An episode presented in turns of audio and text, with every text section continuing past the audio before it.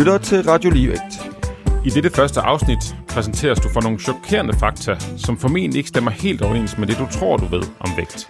Jeg hedder Rasmus Køster Rasmussen, og jeg er læge i almen praksis og forsker ved Københavns Universitet med ekspertise i vægtudvikling. Og jeg hedder Christian Føds og er speciallæge i almen medicin. Jeg er også redaktør på Månedskrift for Almen Praksis og laver podcast om sundhed. Sammen laver vi podcastserien Radio Ligevægt, hvor vi vil formidle det, som Rasmus har fundet frem til igennem mere end 10 års forskning i vægt. Og første chokerende fakta, som jeg kan løfte sløret for, er, at livsstilsbaserede vægttabsprogrammer ikke virker til at opnå et vejet vægttab. Den videnskabelige litteratur er entydig. Alle vægttabsprogrammer virker på kort sigt, men ingen virker på lang sigt. Så hvis man oplever, at man har en patient, der taber sig, men tager det hele på igen, så er det helt normalt. Ja, det er det. Ja, så der skal altså sluges nogle kameler her, men vi deler kamelerne op i nogle mundrette bidder. I de følgende afsnit vil vi høre meget mere om baggrunden for, at du er kommet til den konklusion. Ja, og det er langt fra den eneste overraskende konklusion, som jeg er nået frem til. For øh, vægt- og kostområdet, det er fyldt med myter og antagelser, som ikke holder vand. Og desuden så skal vi se nærmere på områder som udskamning af tykke, som et fint ord hedder vægtstigmatisering, og se på, hvordan det påvirker sundheden. Ja, og på, hvordan man kan opnå sundhedsgevinster på andre måder end vægttab. For eksempel ved at gå sådan en tur. Velkommen til Radio Ligevægt. Og Rasmus, her allerførst, øh, du er snart speciallæge i almen medicin, og så er du postdoc ved Forskningsenheden ved Almen Praksis i København. Kan du lige fortælle os helt kort, hvad, hvad gik din øh, Ph.D. ud på? Den handlede om øh, kost og kostens betydning for, hvordan vægten udvikler sig. Og, øhm, og ja, det jeg fandt ud af, det var, at, øh, at det havde ikke den helt store betydning for, hvordan vægten udviklede sig, hvad det var, man spiste. Og så begyndte jeg i stedet for at kigge på, hvad er det så, der har betydning for, hvordan folks vægt udvikler sig over livet. Og vi kommer til at høre meget mere om dine resultater senere hen. Øh, Og hvis man googler dig, øh, så kan man se, at du har været en del af, du er en del af en faglig diskussion omkring overvægt. Ja, der foregår en super spændende diskussion lige nu, altså i, i, i de faglige kredse blandt forskere og blandt beslutningstagere om, hvordan, øh, hvordan skal man egentlig forholde sig til, til folk med et højt BMI i sundhedsvæsenet. Og jeg vil sige helt kort om mig selv, at jeg er også læge i almen praksis, og jeg interesserer mig for formidling og arbejder med, med, med podcasts og er redaktør. Og så kender vi to hinanden øh, rigtig godt som kollegaer igennem mange år. Ja. Og vi har brugt en del tid på at, at tilrettelægge den her podcast-serie, så vi håber, det lykkes, for det er egentlig komplekst stof at formidle. Ja, det er, det er, det er derfor, det er blevet til en hel podcast-serie, ikke? og det er øh, nu her i første sæson, der øh, har vi planlagt otte afsnit, øh, og øh, der prøver vi ligesom at ramme øh, feltet ind. Øh, og grunden til, at vi simpelthen skal bruge otte afsnit på det, det er, at det er så utrolig komplekst, det her. Der er kost, og der er vægt, og der er andre faktorer, der er arv, og der er biologi, der er alle mulige faktorer, der spiller ind i hinanden, og det er derfor, det gør det så vanvittigt svært at formidle det her. Men vi gør vores bedste, og det vil og fortrinsvis stolt ved samtale mellem dig og mig, hvor det er dig, der fortæller, og mig, der spørger. Øh, og så senere hen, når vi er færdige med vores første sæson, så vil vi have gæster med i studiet også. Øh, og så har vi også den her, det kommer vi tilbage til, at efter hver afsnit, så vil du oplæse en, øh, en epilog, hvor du sådan med dine tanker omkring øh, til det tema, vi tager op sådan i, i kondenseret form.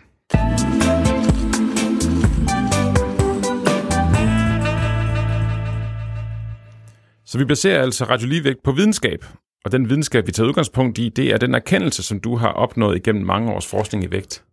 Ja, og, og det er jo, øh, kan man sige, den grundlæggende årsag til, at vi laver Radio Ligevægt her, det er, at, øh, at, at jeg har ople- oplevet, at der er en kæmpe afgrundsdyb forskel imellem det, vi ved om vægt og vægtens udvikling, og så den praksis, der er i sundhedsvæsenet. Øhm, og, og, og, og, det, og det er utroligt svært at rokke ved folks forestilling om det her, fordi vi er simpelthen utrolig imprægneret øh, med, med den her forestilling om, at øh, tykke menneskers vej til sundhed, den går gennem vægttab. Men det øh, er der simpelthen, øh, det er simpelthen en misforståelse. For det første kan man opnå øh, sundhed på, øh, på rigtig mange andre måder og mere effektive måder end øh, ved vægttab. Og for det andet, så, så virker vægttabsprogrammerne ikke, og, man får, og dem, der taber sig, får ikke specielt meget sundhed ud af det. Jeg er på et tidspunkt blevet, øh, øh, var jeg i Radio Loud, hvor jeg fik sagt, at, øh, at at tro, at man kan øh, at man kan imødekomme og stoppe fedmeepidemien ved at lave øh, vægttestprogrammer. Det er ligesom at tro, man kan komme til månen ved at klatre op i et træ. Øh, og det står jeg egentlig ved, den udtalelse. Ja, og der hvor det bliver dagligdag for os, det er jo i de her mange utallige behandlingsvejledninger, hvor der står, at øh, patienten skal tabe sig. Det siger man så til patienten, og det har patienten måske prøvet før, og det er bare et projekt, der, har, der, der meget sjældent lykkes, og det vil vi så gå ind i den dokumentation bag i, i det her i radioligvægt. Akkurat. Og forklaringen er jo netop kompleks, og det er derfor, vi har lavet de her øh, otte afsnit i første sæson af Radio Ligevægt.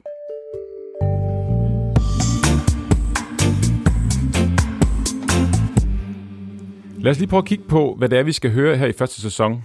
Det første afsnit, eller det næste afsnit her, det hedder Vægttabsprogrammer virker ikke. Og der serverer du den øh, dokumentation, der ligger bag øh, den, øh, den konklusion.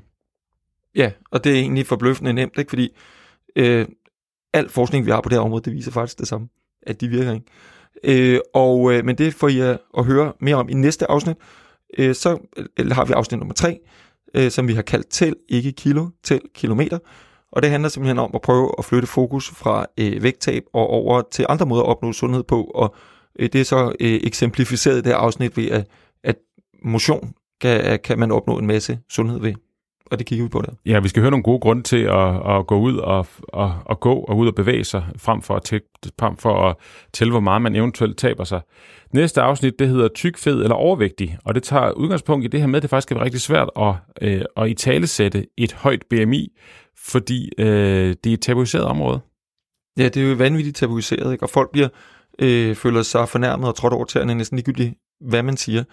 Øh, men der kommer vi ind på forklaring på, hvorfor vi øh, har valgt at, at sige tyk i øh, Radio Ligevægt. Øh, det femte afsnit, øh, det hedder, det er ikke ens egen skyld, at man er tyk. Og der kigger vi på årsagerne til, at der kommer flere og flere øh, tykke mennesker. Og det er øh, dels noget med noget biologi, og samfundet har ændret sig. Ja, der er rigtig mange øh, hvad kan man sige, overraskende pointer i det, at øh, både hvad der sker i fetallivet og hvad der sker i ens biologi faktisk påvirker øh, ens vægt. Næste øh, afsnit hedder Energibalanceregnskabet stemmer ikke, og det handler jo egentlig om den der, den der meget sådan, øh, rudimentære forståelse af vægt som noget med en, en bankkonto, hvor man sætter noget ind, og så står der det, øh, og så kan man trække det ud igen, og så taber man sig.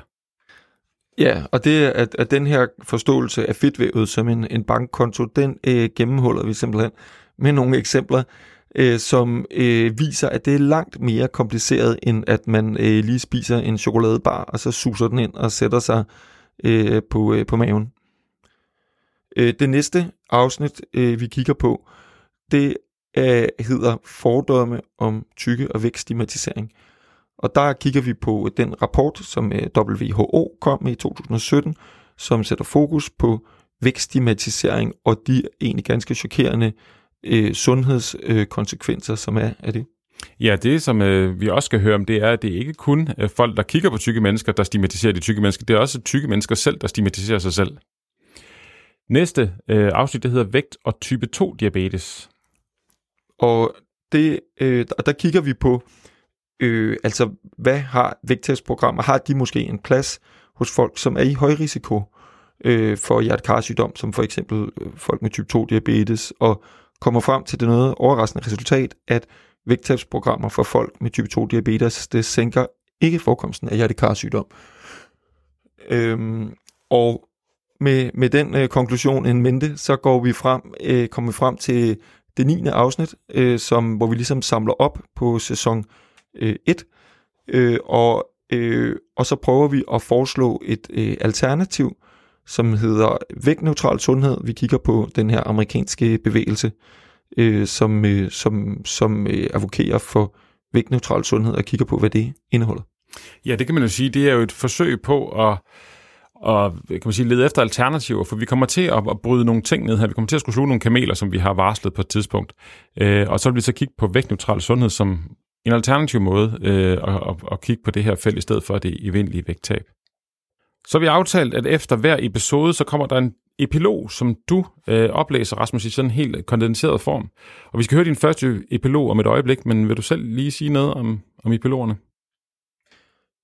Ja, øh, epilogerne var... Øh, er, kommer egentlig af nogle ting, som jeg sådan har siddet og, og skrevet ned i, i tidens løb, øh, som jeg har undret mig over, og, øh, øh, og som nogle gange, øh, hvis jeg som nogle gange får næsten sådan et lidt øh, poetiske træk i, i sig, øh, men som er øh, grundlæggende tanker om og, og, og, mine sådan funderinger og, og, og tanker omkring, hvad, hvad, hvad dagens emne har været, og, og hvad det mund har af konsekvenser, og hvad, ja, hvad, hvordan mun, øh, vi skal forholde os til det. Så det er sådan lidt, øh, lidt svævende øh, tanker, kan man sige, om, om dagens øh, emne.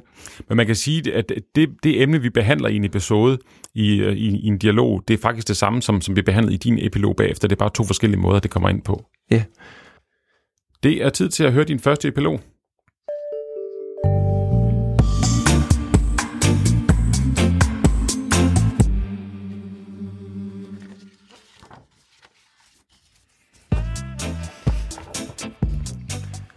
Som helt ung læge prøvede jeg ofte at hjælpe folk med et vægttab. Godt nok havde jeg stort set intet lært om kost og vægt på lægestudiet, men er, hvor svært kunne det lige være? Nogle patienter, de sled i det og fulgte lydigt mine anvisninger. Andre, de kom aldrig igen. Det undrede mig, at jeg ikke kunne finde en videnskabelig funderet slankekur i mine tykke lægebøger. Og det undrede mig, at forskellige eksperter anbefalede vidt forskellige tiltag. Jeg troede helt klart, at folk kunne tabe sig, hvis de tog sig sammen, og at de ville blive sunde og leve længere, hvis de tabte sig. Det var åbenlyst. Efter tre års arbejde som læge, søgte jeg en stilling som forskningsassistent på Forskningsenheden for Almen Praksis i København. Jeg startede med at forske i kost, livsstil, risiko for hjertekarsygdom og type 2 diabetes, og endte med at skrive PhD-afhandlingen Vægtændringer i almen praksis.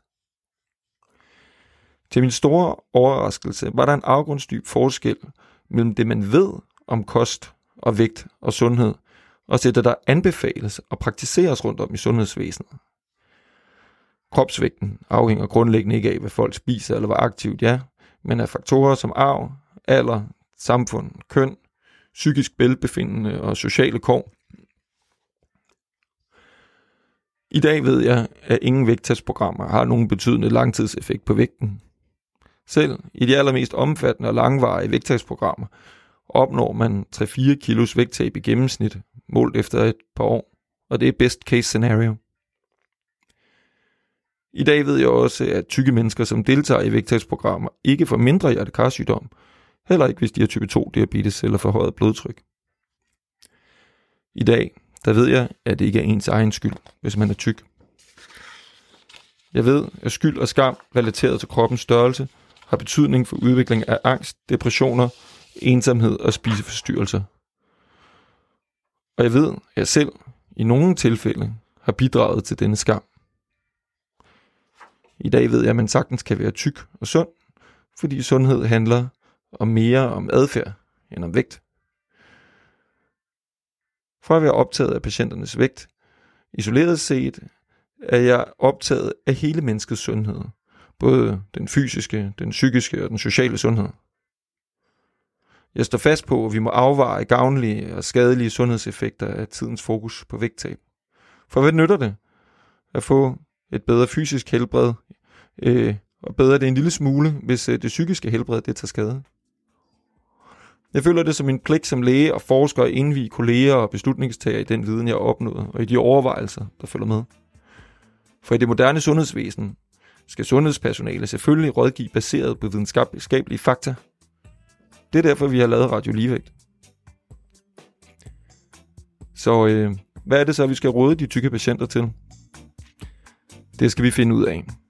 Jeg har ikke alle svarene, men jeg ved, hvad retning vi skal. Med høj faglighed og saglighed vil vi tage lytteren med på en rejse ind i vægtens verden. Så hvis du er klar til at sluge nogle kameler, så lyt med.